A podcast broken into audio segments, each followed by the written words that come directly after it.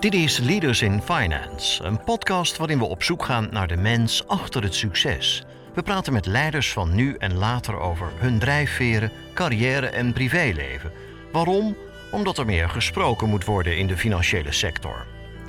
We willen de partners van deze podcast hartelijk bedanken voor hun steun. Dat zijn Interim Valley, Odgers Berndsen Executive Search en Roland Berger. Onze gast in deze aflevering heeft net 4,6 miljoen euro opgehaald voor een nieuwe fase van zijn bedrijf. Cake. Een bedrijf dat trouwe consumenten beloont met cashbacks. Letterlijk krijg je via de techniek van Cake als consument geld in het laadje. Die techniek verkoopt Cake nu aan onder meer banken en dat loopt al goed. En dat was onmiddellijk een enorm succes. Ik denk dat ondertussen uh, 20% van hun actieve appgebruikers al een opt-in gedaan hebben van ja, ik wil mijn data geven in ruil voor cashbacks. En dat is wel mooi. Zijn bedrijf heeft geen kantoor, geen glimmende gevel met zo'n kanjer van een logo erop. Iedereen werkt gewoon vanuit huis.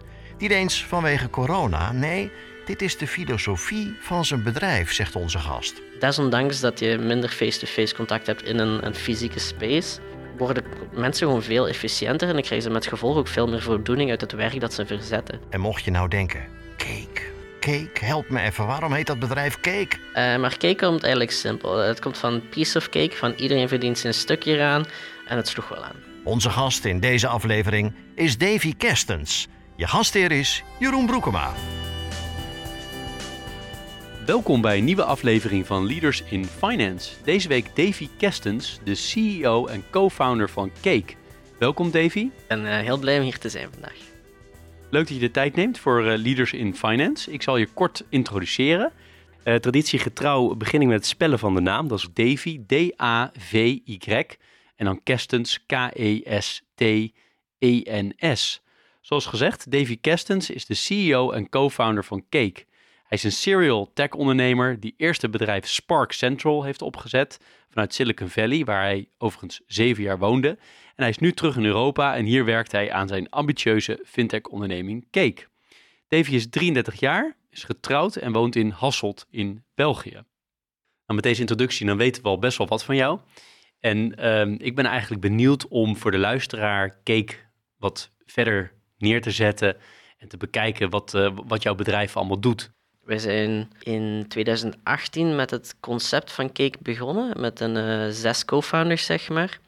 Uh, en de gehele gedachtegang is van, wij willen nieuwe technologie bouwen binnen het financiële landschap voor de consument. Uh, niet met de bedoeling om zeg maar, te concurreren met de financiële producten van banken of financiële instellingen, maar eigenlijk om te kijken van hoe kunnen we door middel van technologie en door middel van data nieuwe inkomstenstromen creëren voor consumenten bovenop een bestaande bank- en zichtrekeningen. Zeker omdat vandaag met de negatieve interest en de steeds reizende kosten van zichtrekeningen en dergelijke, eh, brengt een bank relatief weinig op, om in de volksmond te zeggen niks. Uh, en we waren altijd van gedacht van, oké, hoe kunnen wij een bedrijf creëren dat een soort van win-win bouwt, dat als wij succesvol zijn, de consument er ook iets aan overhoudt. Uh, en uh, zo zijn we Cake begonnen. Ik uh, ben klant van een, laten we zeggen, van een grootbank, KBC of ABN AMRO -huh. in, in Nederland. Ik ben klant. Um, dan moet ik me hiervoor aanmelden? Ja, dus heel concreet. We hebben bijvoorbeeld vorig jaar in de zomer de eerste integratie met Argenta Bank gelanceerd. Dus als consument binnen de Argenta-app op mijn homescreen kreeg ik ineens een melding van hey, wil je nu gratis cashbacks verdienen op basis van je uitgaven? Uh, je klikt daarop, heb je een mooi scherm dat zegt: Oké, dit is wat het doet. Je zegt: Oké, opt-in.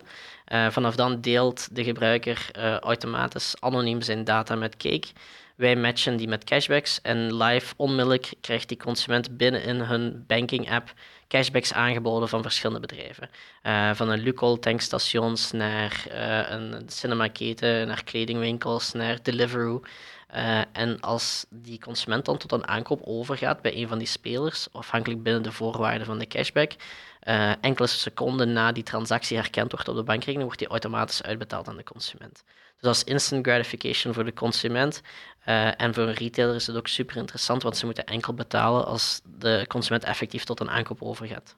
En heb je dan meerdere partijen in dezelfde sector? Dus kan het uh, Lukoil zijn, Shell en... ja, absoluut. absoluut hoe dat een beetje hoe dat, ja, de retailers een beetje naar kijken, is dit is een nieuw mediakanaal. er zijn twee soorten adverteringen of advertenties dat, dat retailers kunnen doen. Langs de ene kant is het, uh, zoals wij dat noemen, spray and pray. Dat is, je maakt een spot op tv of de radio, uh, je gooit daar enkele honderdduizenden euro's tegenaan en je hoopt dat er een return is, maar je kan het niet echt meten. Ja? Uh, en dan wordt dat een beetje justified door benchmarks te gebruiken of door te zeggen, ja, maar je hebt ook brand awareness van en dergelijke. Maar uiteindelijk is dat een vrij domme vorm van reclame die je heel lang op voorhand moet, moet inplannen met grote budgetten zonder dat je de resultaten kan meten. Langs de andere kant heb je heel doelgerichte advertising, maar tot nu toe is dat vrij gelimiteerd door ja, direct mailings of uh, online, zoals Google Advertising. Oké, iedereen die um, op fastfood googelt, daar kan McDonald's bijvoorbeeld reclame naar doen en dan moet je betalen per klik. Maar dan weet je nog altijd niet of die consument tot een aankoop overgaat. Uh, en hier is een nieuw mediakanaal dat je effectief kan zeggen van oké, op basis van historische spenderen gedragen van die consument kan ik nu gaan adverteren, maar ik moet enkel betalen bij een effectieve conversie. Um, en ja, langs de ene kant kan je zeggen van oké, okay, er kunnen misschien meerdere merken binnen dezelfde sector opzitten, maar dat heb je altijd. Hè. Je hebt concurrentie overal. Um, en uh, dit wordt gewoon een efficiënter kanaal om die concurrentie op te voeren. En kan het zo zijn dat ze dan uh, het bedrag aan cashback gaan verhogen? Ja, inderdaad. Om dus, te concurreren tegen ja, ja, iemand kan, anders? Ja, inderdaad. Dus je kan uh, heel algemeen adverteren, net zoals op Google. Je zegt van oké, okay, iedereen met dit keyword zoveel. Of je gaat op segmenten gaan beginnen spelen. Uh, waar dat een, een retail bijvoorbeeld kan zeggen, ja, iedereen die een bepaalde hoog spend rate heeft binnen deze categorie, maar niet bij ons of specifiek bij die concurrent, daar willen wij meer aan gaan rewarden en, en uh, segmenten gaan spelen die we misschien extra hard gaan willen targeten of niet. Absoluut. Helder. Um, als we dan van de klanten gaan naar uh, de medewerkers, met hoeveel mensen doe je dit, uh, run je dit bedrijf? Ja, dus uh, ondertussen zijn we over de voorbije jaren heen naar een, denk een 22 mensen gegroeid. Um, en ik denk volgens de huidige planning zouden we tegen na zomer dit jaar 2022 met een, ik denk een 30 of misschien maximum 35 mensen zijn. Uh, wat ook wel interessant is, is we hebben geen kantoor. We zijn een beetje trendsetters pre-corona geweest. Uh, het bedrijf onmiddellijk vanaf dag in gestart als een remote-only workforce. Um, en dus iedereen werkt van thuis uit of van coworking spaces uh, en dergelijke. We zijn nu zelfs iemand aan het interviewen die vanuit Barcelona zou werken. Dus dat is wel een, een, leuke opmerking voor ons team. Hoe, hoe bouw je dan een team als je elkaar bijna nooit ziet? Um, ik denk dat het eigenlijk verbazend veel makkelijker is uh, als je het vanaf scratch doet. Uh, als je vanaf dag een bedrijf neerzet met mensen um, en, en ja, je, begint onmiddellijk processen te creëren rondom het remote werk. De manier waarop je communiceert is allemaal genoteerd en dat is transparant naar de hele groep toe.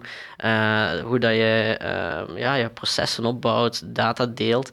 Um, het is veel makkelijker volgens mij om een bedrijf vanaf dag één van scratch zo op te zetten dan stel een, uh, een bestaande zeg maar creative agency dat het gewoon is om altijd face-to-face te werken rondom een, een, whiteboard om heel die cultuur om te gooien naar een, uh, een remote office. Zeg maar. En het informele deel, het uh, mm -hmm. aan de bar staan met een, met een drankje, ja. hoe, hoe doe je dat dan?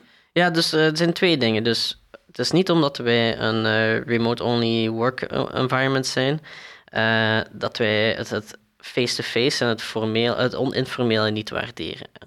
Um, dus bijvoorbeeld, wij zeggen altijd, en dat is tijdens de hele corona-lockdown natuurlijk wel heel moeilijk geweest, is wij doen dit niet om geld uit te sparen of geen kantoorruimte te moeten betalen en dergelijke.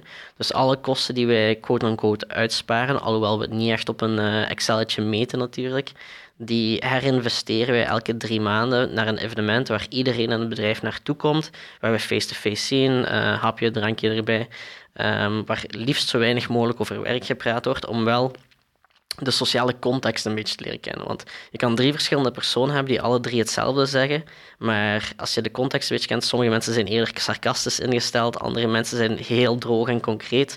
Uh, en dat wisselt wel van persoon tot persoon. En dus het het fysieke contact is wel belangrijk, maar daarvoor moet je volgens mij niet elke dag drie uur in de auto zitten en langs elkaar aan de koffiemachine staan, uh, want dat wordt dan ook meer een afleiding. En uh, ik denk in een, een, remote omgeving is het net wordt het heel hard gewaardeerd wanneer dat je mensen ownership geeft over hun eigen doelen, hun eigen tijd, hun eigen projecten. Uh, dat ze zelf beslissingen kunnen maken en niet constant in een micromanagement omgeving moeten zitten. Dat die combinatie wel goed werkt. Uh, we hebben heel wat werknemers die vanuit de bankwereld komen, die op het begin toen wij hen probeerden recruteren, enorm terughoudend waren omdat ze zoiets hadden van, ja, ik weet het, ik sta wel twee uur in de file uh, elke ochtend en dan elke avond. Uh, maar ja, ga ik niet in een, een, gat vallen als ik hier op mijn eentje werk. En uh, ja, er zijn bepaalde heel senior mensen die al 30 jaar binnen de bank werken in verschillende rollen, die enkele maanden nadat ze bij ons starten tegen mij kwamen zeggen van ik ga nooit meer terug naar de klassieke werkomgeving.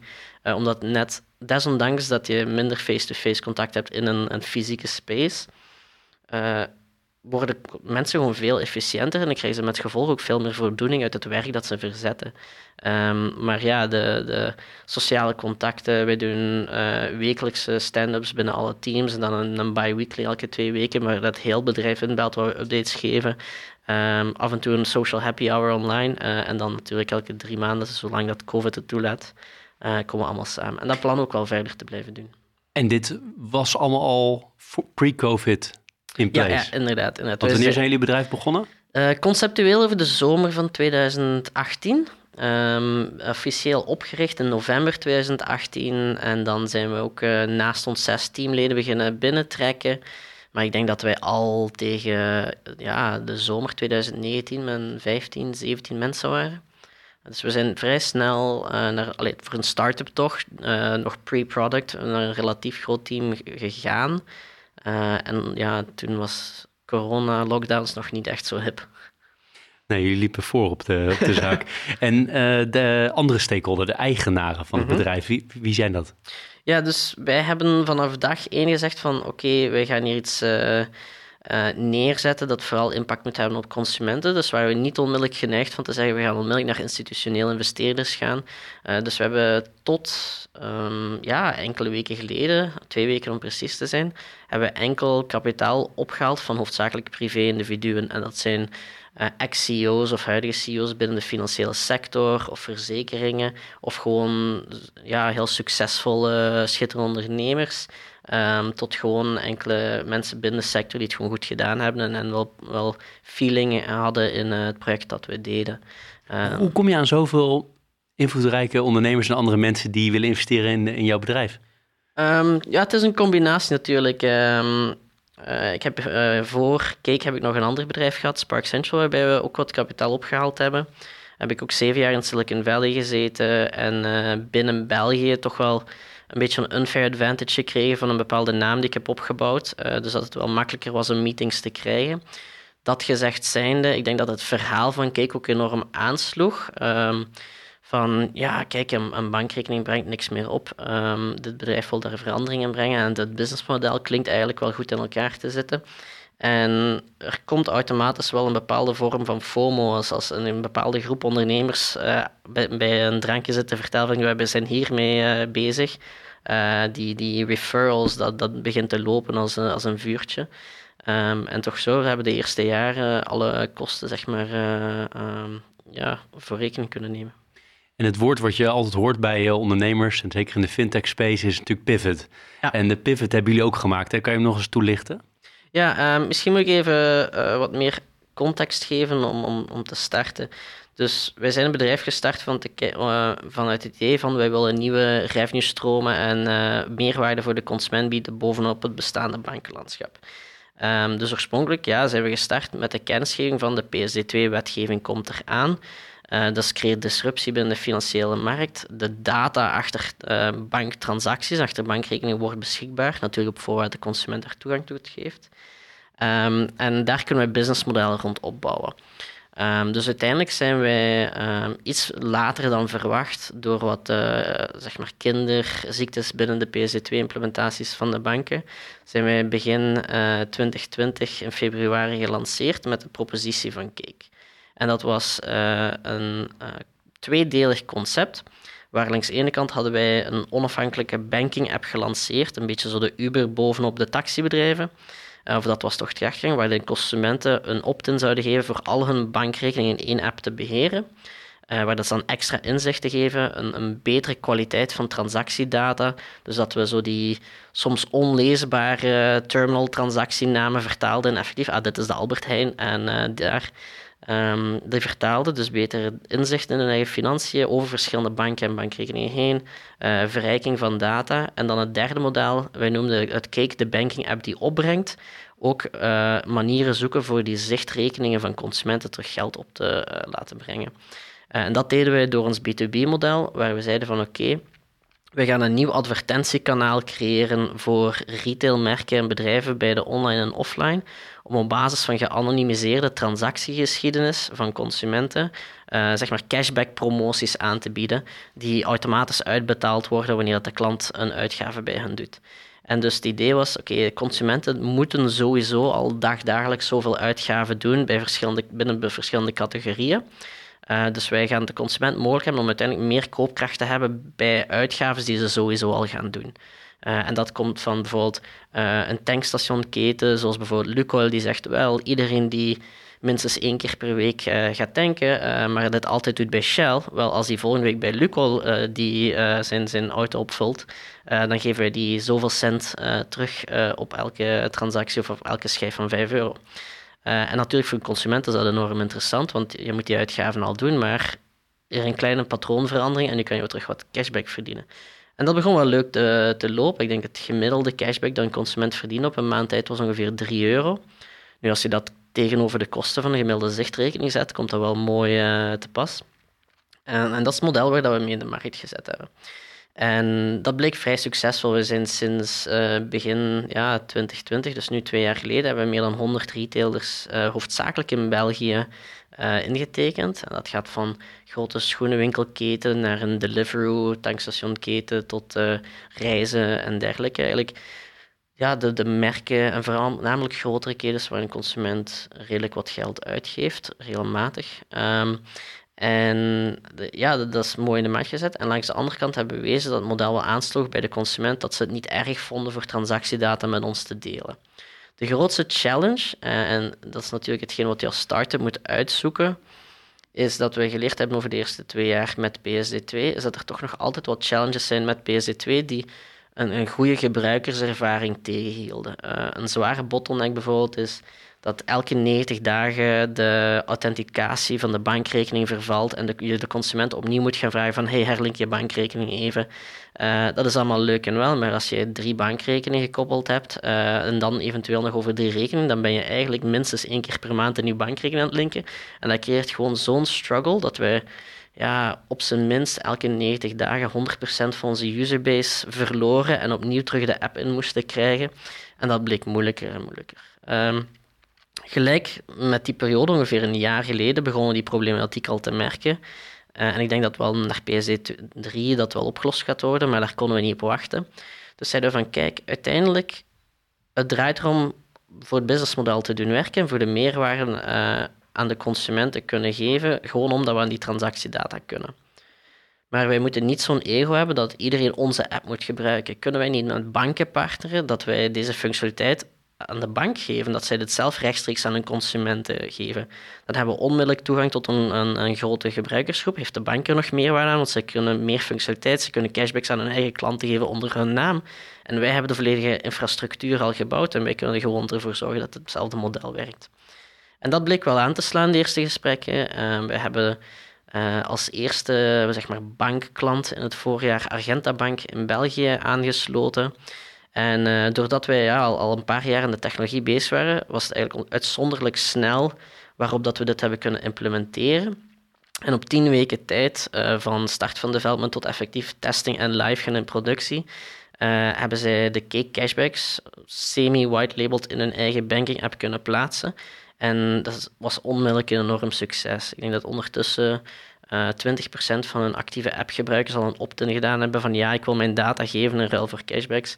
En dat is wel mooi. Uh, en natuurlijk, ja, die, die gebruikersdata die blijft binnenstromen totdat ze het manueel afzetten. Dus dat is gewoon een veel schaalbaarder model. En, dat en nu opeens hele andere klanten. Sorry? Nu heb je opeens heb je hele andere klanten, namelijk banken. Ja, inderdaad, inderdaad. Maar ik heb liever een partnership met banken waarbij uh, zij er ook nog een, een, soort van revenue share aan hebben, iets aan verdienen en meerwaarde hebben naast het financieel, dat hun klanten loyaler zijn, vaker een app gebruiken en dergelijke, dan dat wij hun via PSD2 een beetje moeten verplichten om ons hun klantendata te geven. Je luistert naar Leaders in Finance met Jeroen Broekema. Was het niet een doodeng moment voor jou en voor jouw team om te beseffen van hé, hey, we moeten misschien wel. Dit is natuurlijk een hele sterke pivot die je hebt moeten maken. Was het niet een eng moment dat je denkt van wow, we moeten dit helemaal anders gaan aanpakken en gaat het ons wel lukken? Goh, ik denk een, ik vind het eigenlijk eerder een, een lichte pivot, omdat uiteindelijk het businessmodel hoe dat we werken, naar retailers toe, naar consumenten toe, is exact hetzelfde gebleven. Door in de plaats van met onze eigen banking-app uh, die cashbacks en die meerwaarde te bieden, dat via andere banken-apps te doen, is eigenlijk voornamelijk een technisch verschil. Ehm, maar het hele businessmodel en, en de datastroms en het product dat we gebouwd hebben, blijft grotendeels hetzelfde. We hebben gewoon gezien van dit is een veel schaalbaarder model. En ja, recent vroeg iemand mij nog van, kijk, ja, je hebt nu die consumer app gebouwd en nu ga je die weggooien in ruil voor rechtstreeks integraties binnen banken. Uh, vind je dat niet zonde of heb je daar dan niet te veel tijd of geld in gestoken? En ik denk net niet, omdat moesten wij niet gestart zijn vanuit onze uh, consumer app, waarmee we dan de eerste use case hebben kunnen bewijzen en hebben kunnen aantonen van consumenten vinden het interessant en hebben er helemaal geen probleem mee om een data te delen in ruil voor cashbacks bijvoorbeeld, dan hadden wij nooit een eerste bank kunnen intekenen. Uh, je hebt hier nog altijd, uh, bijvoorbeeld in Nederland, als we over datagebruik binnen de bankwereld gaan praten, zeker over data sharing, had iedereen nog altijd de case daarboven van ING van zoveel jaren geleden. Maar de tijden zijn geëvolueerd en als je het juist en correct doet onder een opt-in uh, patroon van de consument, onder volle toestemming, uh, het werkt. Ja? En uh, ik denk dat we daar ons wel mogen overzetten en gewoon ja, met, de, met de cake hebben we kunnen bewijzen dat we het konden. En nu zijn we tot het punt gekomen dat ons businessmodel bewezen is langs de retailerskant, langs de bankenkant, uh, en, en ja, naar de consumentenkant dat we nu moeten schalen. En dit is de meest efficiënte manier om dat te doen. En dit betekent Europees schalen, neem ik aan. Ja, Want dus, dit is allemaal, maar wel Europa, neem ik aan. Omdat het in, in eerste instantie omdat het vanuit PSD2 inderdaad gekomen is. En dus ook omdat PSD2 zo nieuw is, uh, ligt de markt in Europa ook nog volledig open. Als je bijvoorbeeld kijkt naar Amerika, daar heb je bedrijven zoals Cardlytics, die ondertussen al met meer dan de helft van alle Amerikaanse banken een gelijkaardig model hebben neergezet. Maar dat valt onder Amerikaanse wetgeving. Dat is één eenheidsmarkt. Uh, PSD2 en GDPR en dergelijke bestaat daar niet. Uh, dus voor hen is het moeilijker om naar de Europese markt te komen, zeker omdat het heel gefragmenteerd is. Wij kennen die markt, wij zijn al een paar jaar bezig rondom die wetgeving en dergelijke. Dus ja, ik denk dat de, snelste opportuniteit is wel voor nu in Europa zeg minstens één bank in elk uh, West-Europees land in te tekenen en te lanceren. En ik denk dat de banken er meer en meer voor openstaan nu ook om te zoeken van oké, hoe kunnen wij voor onszelf financieel meerwaarde creëren op de verlieslatende bankproducten, maar ook naar de consument toe, hoe kunnen wij hun langs één kant ook terug meer geld doen genereren op een dagdagelijkse inkomsten en uitgaven, want daar geeft een, bank, een consument nog altijd meest om naar, naar de bank toe, van help mij mijn financiën beter te beheren. Maar daarnaast ook de side effects, want wat wij bijvoorbeeld merken is... Um, wanneer een consument een cashback verdient, elke keer openen ze terug die bankapp opnieuw en gaan ze kijken van waar kan ik meer doen. Dus de user engagement gaat omhoog, met gevolg de loyaliteit, de retentie. En het is altijd een positief effect, want ja, ik heb net geld gekregen, leuke push notification. Ehm, maar dus ja, de eerste fase van het bedrijf waar we nu een beetje uitgaan is bewijzen dat het businessmodel werkt en naar een soort van go-to-market komen die werkt en schaalbaar is. En nu, nu dat, ja, we hebben de eerste case met Argenta Bank, we hebben 100 retailers, is het echt op een snel tempo dit jaar bewijs van wij kunnen naar meerdere banken in meerdere landen gaan.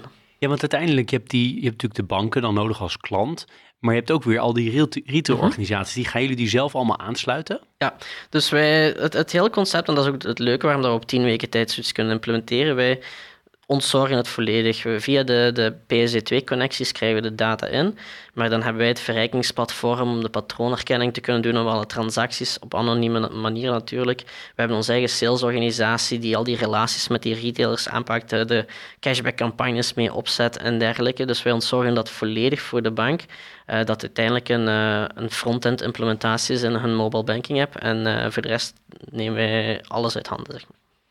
Spreken nu hier in Nederland. Hoe kijk je naar de Nederlandse markt uh, voor jou? Interessant, niet interessant? Hoe ver is Nederland? Heb je daar een beeld bij als het gaat om open finance, PSD2? Ja, het is mijn doelstelling om uh, een van de grootbanken dit jaar in Nederland mee aan te sluiten. Uh, ik denk dat het toch nog vrij gelijkaardig is met de Belgische markt. het is handig, er is ook redelijk wat overlap op het gebied van de retailervlak. We hebben net gezien dat meer dan 40% van onze klanten in België ook in Nederland actief zijn. Dus dat laat ons ook toe om naar de bank toe al snel te kunnen zeggen van ja, we kunnen onmiddellijk een, een aanbod van retailers aanbieden. Um, dus ja, Vlaanderen en Nederland, de taal is relatief gelijkaardig. Uh, op een paar uh, uh, rare accenten en uitspraken na. Excuus dat ik je zeg. Geen probleem. Ehm, dus ja, nee, we zijn actief in gesprek met een aantal bankspelers nu in Nederland. een paar gesprekken die mooi aan het lopen zijn. dus ik vind het wel een heel interessante markt. Ook iets groter natuurlijk dan België. Um, en ja, dus daar zijn we actief mee bezig. Natuurlijk weten wij ook wel uh, dat qua schaal de grotere landen, de Nordics, uh, Duitsland, Frankrijk, uh, Italië, Spanje en de rest van Europa, dat dat wel ook hele goede prospects zijn. Maar het lijkt ons wel goed om ja, een 1, 2, 3 te doen via Nederland door te schalen en dan direct te kunnen bewijzen op nog een relatief kleine schaal van met een aantal innoverende banken kunnen we, we kunnen het ja, over Europa uitvoeren. Zeg maar. Er is één, één Nederlandse grootbank die ook groot in België is, maar dat hoef ik jou niet te vertellen. die zijn ook wel vaker in deze uitzending uh, van Leaders in Finance geweest. Uh, nog even voor de zekerheid. Ik heb er een beeld, denk er een beeld bij te hebben, maar de naam Cake. Mm Ja, dus we zijn uh, drie keer van naam veranderd uh, vooraleer dat we op de naam Cake gekomen zijn. Omdat nog voordat wij wel, toen we het bedrijf opgericht hadden, wisten we eigenlijk nog niet wat businessmodel wij gingen bouwen, of zelfs niet wat product wij gingen bouwen. Uh, dus wij wisten gewoon van, kijk, we gaan iets met PSD2 doen, met die data, daar valt wel iets rond te doen en uh, we zien wel. Dus we waren al een team aan het bouwen voordat dat wij wisten welk product we gingen bouwen. Uh, wat ook een unieke aanpak is, lijkt, lijkt me. en dus we zijn oorspronkelijk opgericht als dinosaurus. Omdat we als een insider joke, we gaan iets doen binnen in de, de oude fossiele wereld. dus we gaan ons dinosaurus NV noemen. Bij de, bij de Belgische Nationale Bank konden ze er moeilijk mee lachen. maar ja, kijk... Um, was wel grappig. En uh, ja, dan uiteindelijk is het onder een codename Spencer uh, gelanceerd. Uh, maar cake komt eigenlijk simpel. Het komt van piece of cake, van iedereen verdient zijn stukje eraan. een cake, een taartdiagram binnen de financiële wereld. Um, en ja, iedereen verdient zijn stuk van de taart. En zo is het een beetje er naar gekomen. Uh, het is uh, LDV United, dat is een, uh, een consumer advertising agency in, in, in Antwerpen.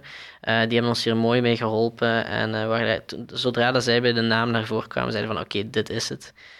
ook omdat het, het is ja, leuker dan het stijve klassieke branding dat je meestal ziet in het financiële landschap. En het sloeg wel aan. Als we even naar jou, uh, naar jou toe bewegen. Je vertelde al heel kort uh, eerder uh, vandaag over Spark Central. Mm -hmm. Dat was ook een bedrijf van jou. Ja. Kan je daar iets meer over vertellen? En was dat ook jouw, ben je ook zo begonnen na studie? Of ben je, ben je altijd ondernemer geweest? Of kan je daar iets meer over vertellen? ja, dus ik ben eigenlijk altijd, ik ga nog een stukje teruggaan dan in de tijd. Ik ben altijd een zeer slechte student geweest. Ik ben zo uh, van het personaliteit van ik doe altijd alles net goed genoeg en alles meer doen dan dat uh, qua, qua effort en tijd uh, ja, is toch verloren. Um, dus altijd net door op school of net niet. Um, maar wat ik wel tijdens mijn, zeg maar, middelbaar geleerd heb, is dat ik enorm gepassioneerd ben door dingen uitzoeken en zelf business creëren. Uh, altijd ook geïnteresseerd geweest in computers en dergelijke. Dus vanaf mijn 14e, 15e jaar, dat was zo toen dat internet en websites net opkwamen, uh, ben ik een freelance webdeveloper geweest. En ik vond het altijd zo leuk om ja, dat te bouwen, maar gelijktijd en nieuwe dingen in de wereld te zetten, maar ook gelijktijd te onderhandelen en overeenkomsten te maken. En altijd wel super interessant. Uh, na mijn middelbaar had een van mijn klanten mij overtuigd om bij hun te gaan werken uh, als, als ja, zeg maar web, webdesigner, developer. Wat ik juist een jaartje heb volgehouden, want het lukte mij niet om onder iemand te werken uh, en gewoon elke dag de orders te krijgen van doe nu dit en doe nu dat.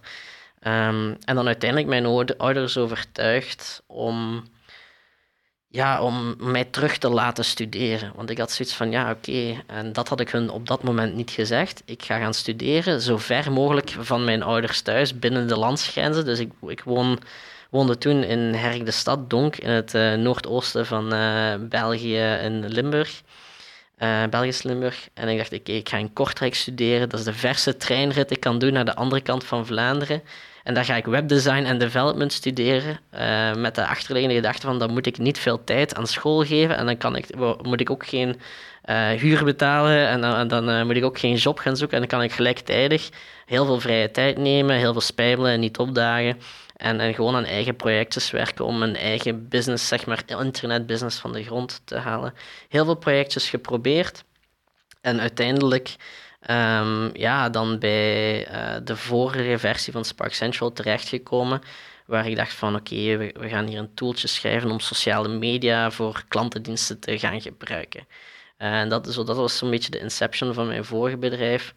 En dan ja, op uh, een half jaar tijd, ik was toen 22 jaar oud, uh, had ik ineens een lead investor, een angel investeerder in Silicon Valley gevonden die er een paar honderdduizend euro in was Mag je daar onderbreken? En... Hoe, hoe, kom je aan zo'n investeerder? Hoe komt ja, dat op je pad? Dat is zo... Het hele Silicon Valley verhaal begon rond die periode zo wat fame te krijgen binnen, uh, binnen Europa, denk ik. En uh, het, hele concept van start-up pitching en dergelijke was net overgewaaid. En in Brussel was er een groep, dat, zij noemden zich Beta Group. En die deden elke zoveel maanden een pitching night. En dan ik dacht van, oh, dat is wel leuk. Uh, via via iemand leren kennen die daar aan werkte. En die zeggen van, ah, je hebt een leuk productje gebouwd. een paar eerste klanten die online hadden ingetekend. kom hier eens pitchen. En op het einde van die... die pitch night word ik aan de kant genomen en die zei wel, wel hier is recent nog iemand geweest, een succesvol Belgisch ondernemer die in Silicon Valley woont. Uh, dat was Sebastien Dehaleux, een van de medeoprichters van Playfish. Die maakte vroeger zo van die Facebook games, de grootste concurrent van Zynga. Um, en ja, dat was net verkocht voor enkele honderden miljoenen. En hij zei van ja, die, hij had mij gevraagd van als er eens een leuke jonge start-up voorbij komt die misschien interessant is om in te investeren, laat mij maar weten. En hij wou mij introduceren. Daar een telefoontje mee gehad, uh, willekeurig. Uh, Zoom bestond toen nog niet, maar ik denk dat het een Skype-videocall was. En die zei eens van, ah ja, ik wil ons afspreken. En pas later drong het door dat hij daarmee bedoelde dat ik naar San Francisco moest komen om eens hallo te zeggen. En ik denk uh, geen, geen twintig minuten nadat ik hem fysiek gezien had op een lunch in Anchor and Hope in Soma in San Francisco, zei hij van ja, ik wil hier uh, in investeren en ik regel wel wat intro's en morgen kan je gaan praten bij die advocaten daar, dat kantoor, die helpen je wel een Delaware company op te starten. En ik was ineens vertrokken en tegen dat het opgericht was, uh, waren heel veel Belgische um, ja, ondernemers ook mee ingestapt toen in dat verhaal, omdat hij mee instapte. En ja, ik denk dat we 1,1 miljoen dollar hadden opgehaald. Uh, ik was net 23 geworden en ik was bezig met een visumaanvraag voor naar Amerika te verhuizen. Je bent gebleven daar? Uh, ik heb daar zeven jaar gezeten, inderdaad, van mijn 23ste tot mijn 30ste. Uh, mijn vriendin destijds, ondertussen vrouw, is toen mee verhuisd. We schelen wel vijf jaar. Dus toen dat zij 18 was, heb ik haar ouders moeten overtuigen om mij haar mee te laten nemen naar San Francisco, wat ook een unieke ervaring was. En dan ja, als, als 23-jarige snotbel nog nooit mensen gehad die voor jou werkten. Ineens een volledig team beginnen uitbouwen in een markt die je niet kent, die een andere taal spreken. Een product beginnen uitbouwen en dan klanten zoeken was een, een hele unieke ervaring. Sprak je goed Engels? Uh, op het begin was het meer Flamglish. Uh, maar dat, dat leer je wel heel snel hoor. zeker als je er dag in dag uit in zit. maar het viel al bij al wel goed mee. maar het is wel enorm geëvolueerd. Want je natuurlijk ongelooflijk veel geleerd in die periode. Mhm. Maar als je nou een paar dingen eruit zou mogen pakken, wat zou je dan benoemen? Dan wel persoonlijk, dan wel zakelijk? Um, ik denk wel, er zijn heel veel uh, negatieve en positieve dingen aan, aan Amerika en Silicon Valley.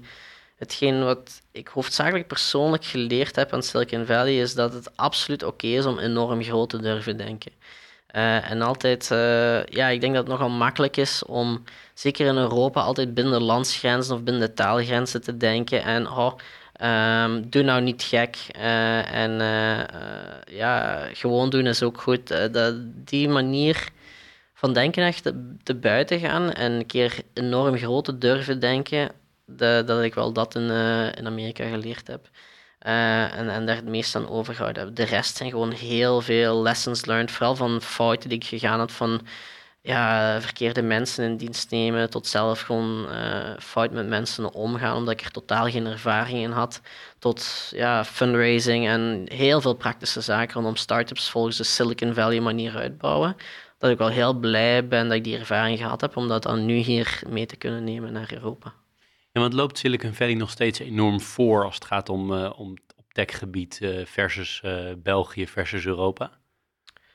Um, ik denk dat toen ik toen naar daar ging, dat dat de beste opkeuze was, omdat het was Silicon Valley, stak, stak er kop en schouders bovenuit.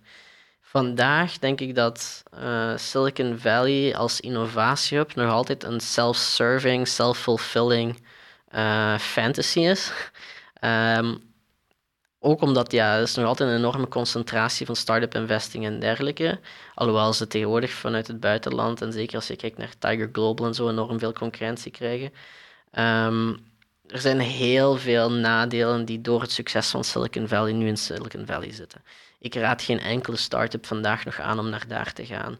Uh, de, de war for talent is ridicuul, maar met gevolg de verloningen zijn ook enorm ridicul. als een, een, een, junior engineer start tegen een jaarsalaris van 160.000 dollar, uh, dat is al heel erg. Uh, daarbovenop de huurprijzen voor kantoren. Um, en, en ja, heel veel gekke dingen dat gewoon niet meer sustainable maakt om daar een start-up uit te bouwen. En, en opnieuw, hè, zeker nu na corona, met het, of tijdens corona met heel remote work, je kan op heel veel plaatsen enorm goede talenten krijgen. Hè. Ik weet nog toen dat we pas begonnen en ik een uh, software engineer uh, vacature uitschreef. In Silicon Valley kreeg ik heel veel ontwikkelaars en programmeurs. In België solliciteerde iemand die al heel zijn leven katmachines manueel had zitten programmeren.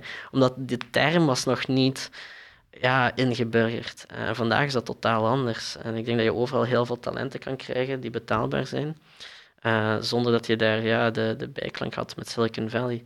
Ook bijvoorbeeld in San Francisco en Silicon Valley in het algemeen, doordat het zo aantrekkelijk was voor heel veel technologische profielen um, om naar daar te verhuizen en omdat er zoveel vraag was naar mensen, heb je ook heel veel mensen met lage skills of die niet zo goed zijn uit daar gegaan zijn, maar dan ook sowieso een job krijgen. Met gevolg dat de, de kwaliteit van de, de gemiddelde IT'er eigenlijk veel lager ligt gemiddeld in Silicon Valley, in mijn mening, dan uh, in de rest van allee, sommige plaatsen in de wereld. Uh, natuurlijk, je hebt wel de uitschieters met enorm veel ervaring, maar ja, die een jaarsalaris begint op 300.000, 400.000 dollar. Dus ja, ik, ik, ik, raad het niemand meer aan om uh, naar daar te gaan, eerlijk gezegd. Kijk gaat niet naar Silicon Valley, dat is duidelijk. Toch al zeker niet als, als kantoor. En ik denk ook niet uh, onmiddellijk om daar in de markt te gaan spelen, omdat daar ook wel een paar spelers zijn die binnen in de Noord-Amerikaanse markt al, al een tijdje bezig zijn. Ook omdat ja, de, de, het silo-denken uh, van Europa daar op banking uh, nooit echt geweest is. Uh, maar ik sluit niet uit dat we buiten Europa gaan gaan. Ik denk dat Zuid-Amerika ook heel interessant is, Azië. Maar voorlopig denk ik dat het de grootste marktopportuniteit binnen West-Europa zit voor ons. Daar zit het grote denken waar je het net, waar je het net over had. Je denkt niet alleen aan West-Europa, maar meteen breder dan dat.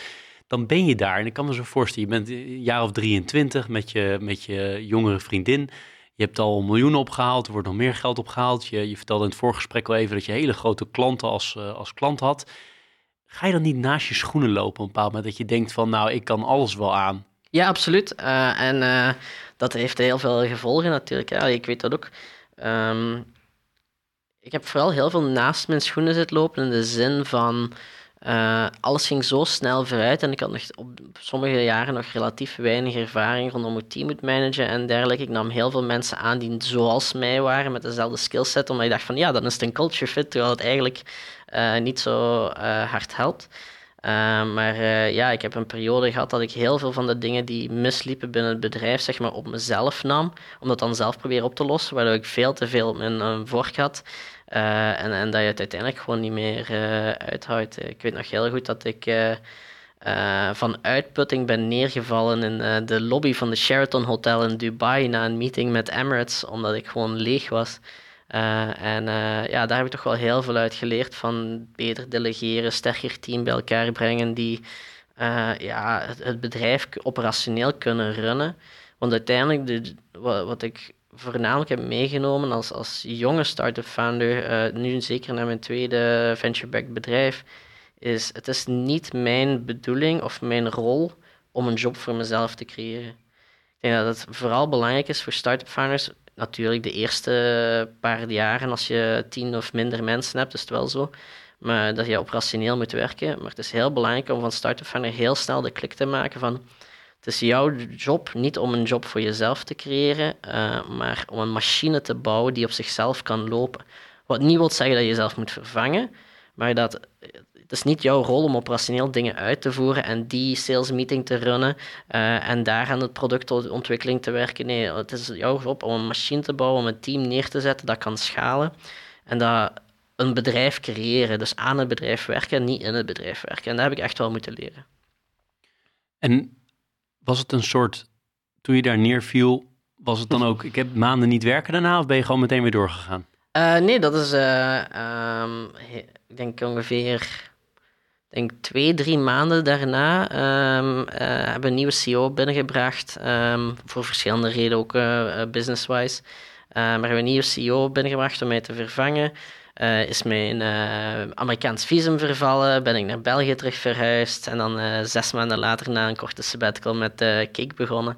Dus dat, wel, dat was 2018 denk ik, dat was een, een heel leuk jaar. Maar ik weet dan nog rond die periode, dat was um, denk januari, februari 2018, net daarna. Um, ik was toen het jaar ervoor denk ik in juli getrouwd geweest met mijn vrouw. Uh, die heel de rollercoaster heeft meegemaakt langs de zijlijn natuurlijk. Uh, en ze zei mij, oké, ja, we zijn nu zeven, acht maanden getrouwd.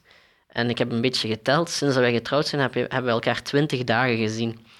Uh, want ik zat constant op de vliegtuigen, het brandje hier aan het oplossen, het vuurtje daar aan, het uitdoven. en dat, dat, was toch wel even de spiegel voor het gezicht van oké, okay, moet wel iets veranderen. en dan ja, paar maanden later ons volledig hebben en houden. Eigenlijk ons leven op een, een, een houten palet gezet in dozen, uh, de boot op uh, en terug naar België. En ja, dan heb ik even het kop volledig leeggemaakt, een sabbatical gedaan, uh, in een Volkswagen Polo van 1992 naar Mongolië gereden met de Mongol Rally, met een paar vrienden, volledig ertussenuit. En het heeft toen toch wel ja, een week of vier, vijf geduurd dat ik echt mentaal terug leeg was en uh, ja, aan niets moest denken wat met werk te maken had. Pijnlijk proces? Um, leerrijk. Pijnlijk niet, uh, of, of misschien een beetje, omdat ja, ik heb bijna niets anders gekend op dat moment als dat bedrijf. En uh, heel veel van mijn persoonlijke ego was ook daarin opgedraaid, zeg maar, of hong daaraan vast. Maar dat heb ik wel allemaal mooi kunnen loslaten en heel leerrijk van oké, okay, Waar ben ik nu zelf goed in? Waar word ik door gemotiveerd? Wat moet ik door anderen laten doen? Uh, en, en dat is een hele goede bron geweest om dit bedrijf nu Cake mee te starten. Omdat, zoals ik al eerder zei, vanaf dag één ben ik begonnen met... Oké, wie gaan we nodig hebben om een bedrijf hier rondop te bouwen? Wat voor profielen? Wat ga ik me mee bezighouden? Wie hebben we nodig om hier echt al een team neer te zetten dat het bedrijf succesvol zou kunnen runnen over vijf jaar? En, en toch een hele andere aanpak gehad. Ik was ook een single founder met het vorige bedrijf. Nu zijn we met zes begonnen. En toch, ja, toch heel wat learnings meegenomen. Hoe is het met Spark Central afgelopen? Uh, ik denk dat zij uh, eind 2019, als ik mij niet vergis, verkocht geweest zijn. Uh, opgekocht geweest door um, een Canadese concurrent. het is een oké exit geweest. Je was nog aandeelhouder? ik was nog aandeelhouder. Um, maar het was een oké verhaal. Uiteindelijk bleek dat ja, de markt die we dachten met het bedrijf te kunnen uh, inpalmen, nooit tot stand gekomen is. De hele assumptie van het bedrijf was: oké, we gaan hier contactcenter software bouwen voor klantendienst via sociale media en messaging channels zoals WhatsApp. Maar uiteindelijk bleek dat alleen de allergrootste consumentenbedrijven, zoals een KLM ter wereld, echt wel nood hadden om tientallen mensen op die kanaal te zetten. Maar vandaag de dag heeft sociale media nog geen procent van alle telefoons en e-mailcontacten met bedrijven overgenomen. En die markt is uiteindelijk niet gekomen. Uh, dat is wel spijtig. En dat, daarom dat ook een van de criteria was met dit bedrijf van oké, ik wil vandaag één zeker zijn, de zekerheid hebben dat er... Uh, ja, dat hier een grote markt is. En ik denk wel dat iedere consument wel uh, wat meer inkomsten wil op zijn zichtrekening. Dus dat, dat we daar wel uh, een bepaalde garantie hebben dat er wel vraag is. Je luistert naar Leaders in Finance met Jeroen Broekema. hebben het nog niet gehad over die periode voor je veertiende. Um, kan, kan, je iets vertellen nog over hoe je bent opgegroeid? Zit dat ondernemende ook in jullie uh, familie of ben jij juist de eerste ondernemer? En, en wat voor soort gezin was het? Kan je dat typeren? Um, ondernemer aan zich denk ik dat ik de eerste was binnen in onze kant van de familie. Um, mijn vader is gestart in de Limburgse mijnen. Uh, net op het einde, toen dat die um, zeg maar gesloten werden, uh, zijn vader heeft echt in de mijnen zitten kappen en werken. Uh, met de lift naar beneden en dergelijke en dan zwart uitkomen. maar hij is dan de laatste jaren van de mijnen voor een sluiting daar ook gaan werken. Als arbeider, maar vooral als magazinier. Dus hij moest niet altijd de schacht in, zeg maar. maar halverwege heeft hij een ommekeer gemaakt en dan via avond gezegd van dit is het toch niet. Uh, hoe dat hij tot dat inzicht gekomen is, weet ik niet. Um, maar uh, ik moet het hem eens vragen. Maar dan via avondonderwijs meer naar economie en ondernemerschap en dergelijke gegaan.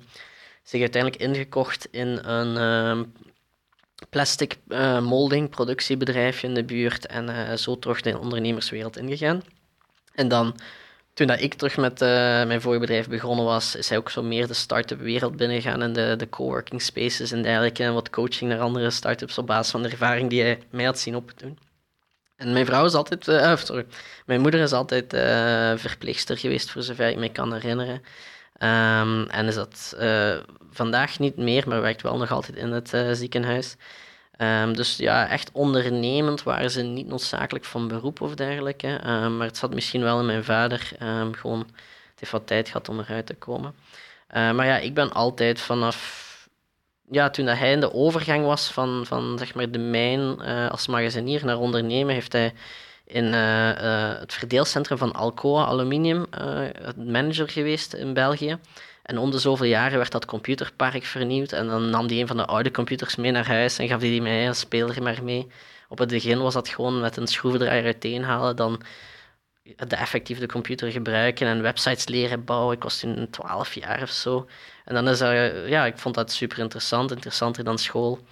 En beginnen websites bouwen, dan websites beginnen verkopen en, kleine KMO's in de buurt. Had mijn vader een managementvernootschap opgericht zodat ik kon factureren. Want officieel, wettelijk gezien, mocht ik als snop, snotbel niet, eh, geen, geen job uitvoeren.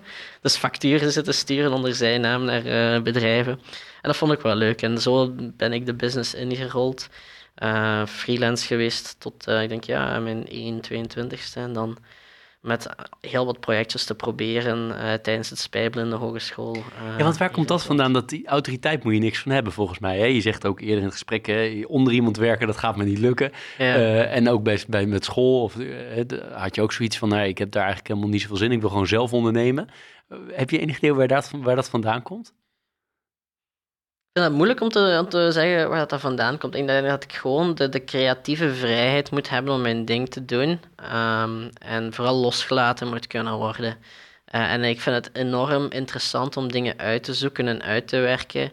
Uh, en nu over tijd ook geleerd dat ik het heel leuk vind om teams samen te stellen en daarmee samen aan problemen te werken.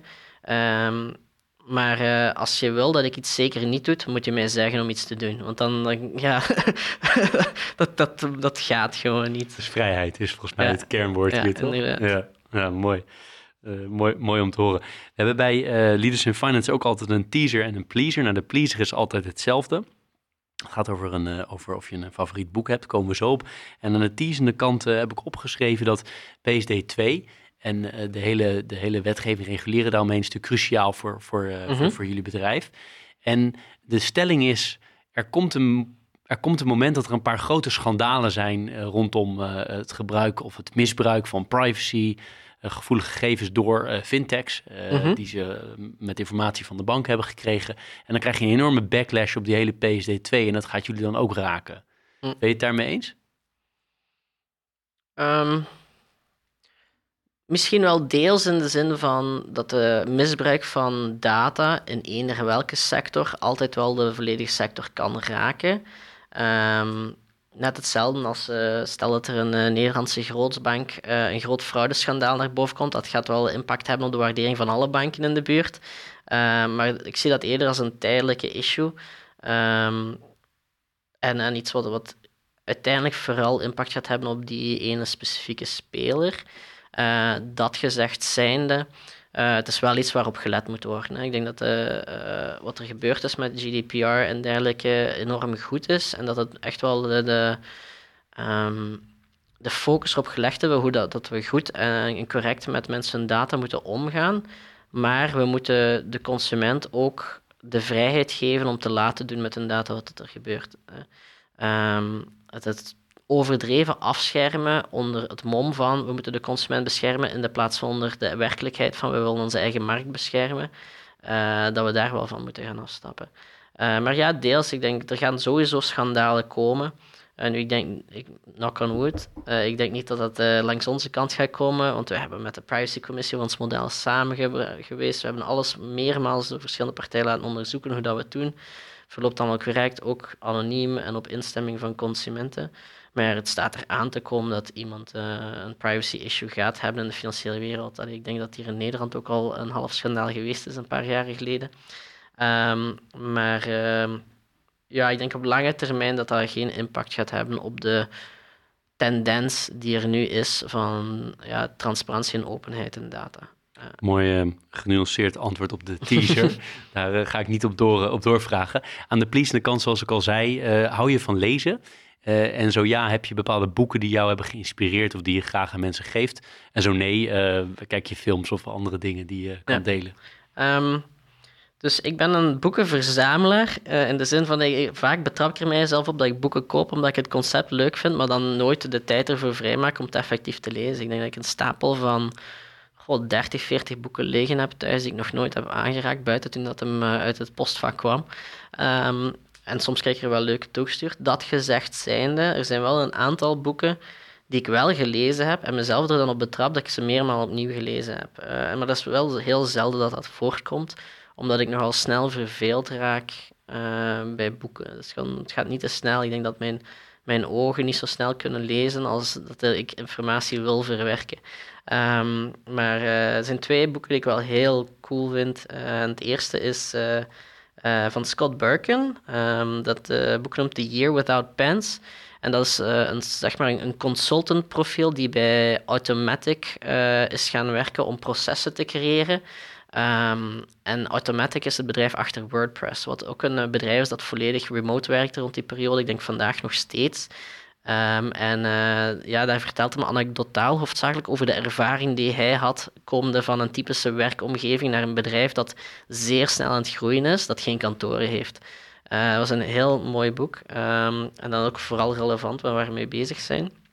En dan, ja, ik denk een, een vier, vijf jaar geleden zat ik uh, in Bali met wat vrienden, waar we in twee weken daar een huis hadden gehuurd. En dan tijdens de downtime was ik Shoe Dog aan het lezen van Phil Knight. Dat is zo, ik denk, semi-autobiografie of volledig autobiografisch.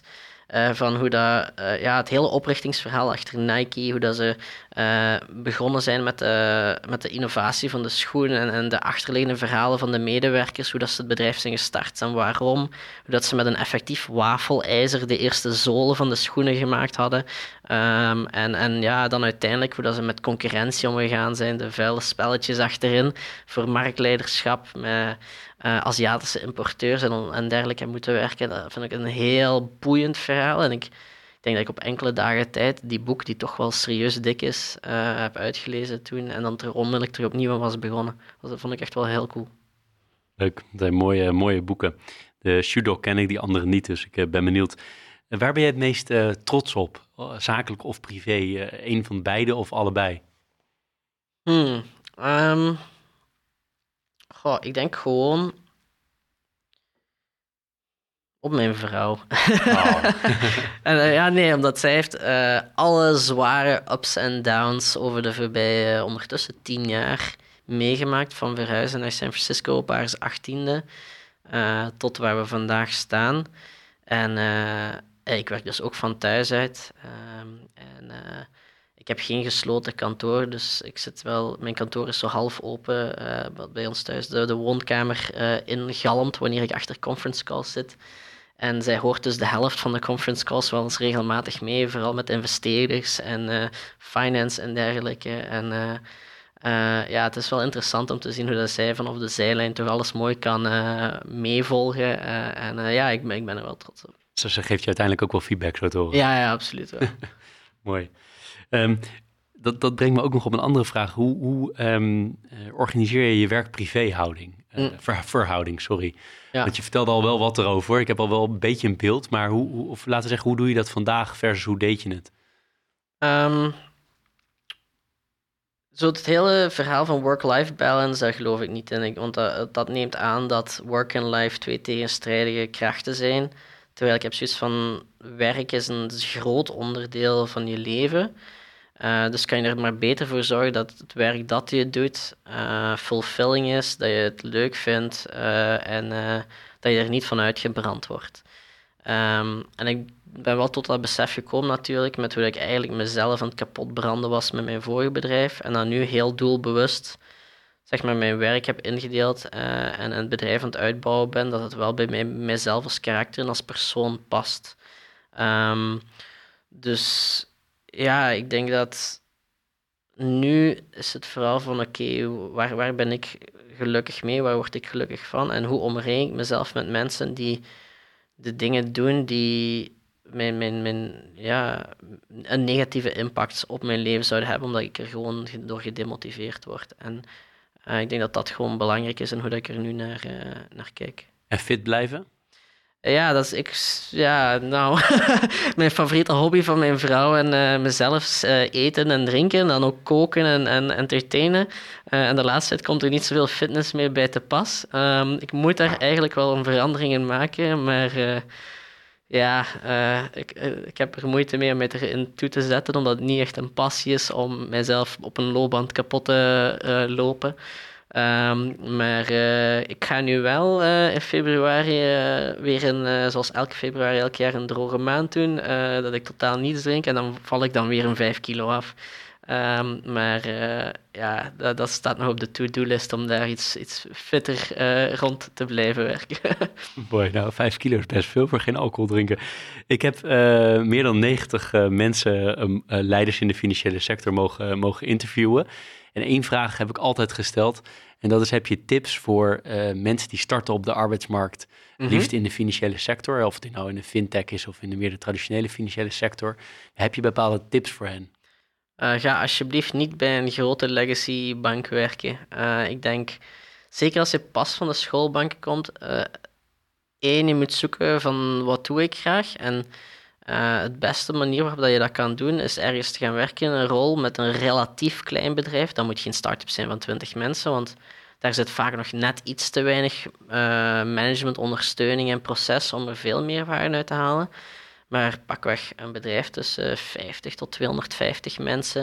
Uh, daar is nog altijd zoveel te doen, vaak met een relatief klein team.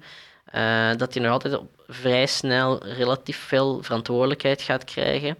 Um, en uh, veel gaat leren over verschillende dingen, om dan meer de keuze te maken van oké, wat ligt mij, waar wil ik verder in doorgroeien. Um, het laatste wat ik zou aanraden is iemand om ergens in een bepaalde industrie op een, lange termijn partner traject te gaan, waar je automatisch al je carrière doelstelling over tien jaar begint na te plannen. Uh, vooral veel creativiteit, veel leren, veel verschillende dingen kunnen doen. En dus denk ik van ja, zeker in de finance ga bij een fintech die al toch al relatief stabiel is, dat je niet uh, misschien constant van job moet veranderen, maar toch al bepaalde stabiliteit heeft. Uh, maar waar je nog steeds veel kan leren. Dus ja, kijk naar bedrijven tussen de 50 en 250 medewerkers uh, in de fintech. Mooie tips. Voordat ik jou uh, ga bedanken, heb ik altijd nog, tenminste vaak stel ik nog de vraag, heb jij nog iets waarvan je zegt, Jeroen, jammer dat je dat niet hebt gevraagd? Of dat zou ik graag nog, nog willen delen, want dat weet niemand over mij, maar dat is toch eigenlijk wel heel belangrijk om over mij te weten of over het bedrijf. Um, goh, langs één kant zei ik zoiets van, ja, ja, ik ben wel vrij goed in de vragen die je stelt. Um, dus uh, wel een compliment naar de, de show of de podcast toe. Um, dus nee, niet zozeer. Um, misschien wel een leuke anekdote die mijn vader mij al honderden keren verteld heeft. Is, en zeker misschien voor de luisteraars die kinderen hebben. Uh, toen ik tijdens mijn middelbaar voor de derde keer van school ben moeten veranderen, omdat ik zo een onproductief ettertje was. Um, belde uiteindelijk de schooldirecteur, mijn vader, en die zei: ehm, Patrick, uh, we moeten spreken. Uh, zou je zo niet leren lassen? Hij zei: Hoe leren lassen? Want ik was geïnteresseerd in IT. En hij zei: Ja, dan brengt hij nog iets bij aan de maatschappij. Um, waarop dat, uh, mijn vader gewoon gezegd heeft: van nee, laat hem maar doen wat hij wil. En uh, zoveel jaren later, um, toen dat ik uh, net de tweede of de derde financieringsronde in Silicon Valley opgehaald had, heeft diezelfde schooldirecteur mijn vader teruggebeld. En vroeg hij, zeg, zou je Davy eens niet kunnen vragen van op, bij ons op de school voor onze studenten te komen spreken? Want we hebben hem destijds toch zo goed ondersteund. Um, en dus dat, dat, is een anekdote die mijn vader mij heel vaak vertelt. Uh, en dat is misschien naar alle andere uh, luisteraars met kinderen, is van uh, ja, laat ze gewoon doen waar ze mee bezig zijn. en het is niet omdat het school niet zo goed gaat dat er niet iets kan uitkomen. Misschien heb je wel een ondernemer in handen.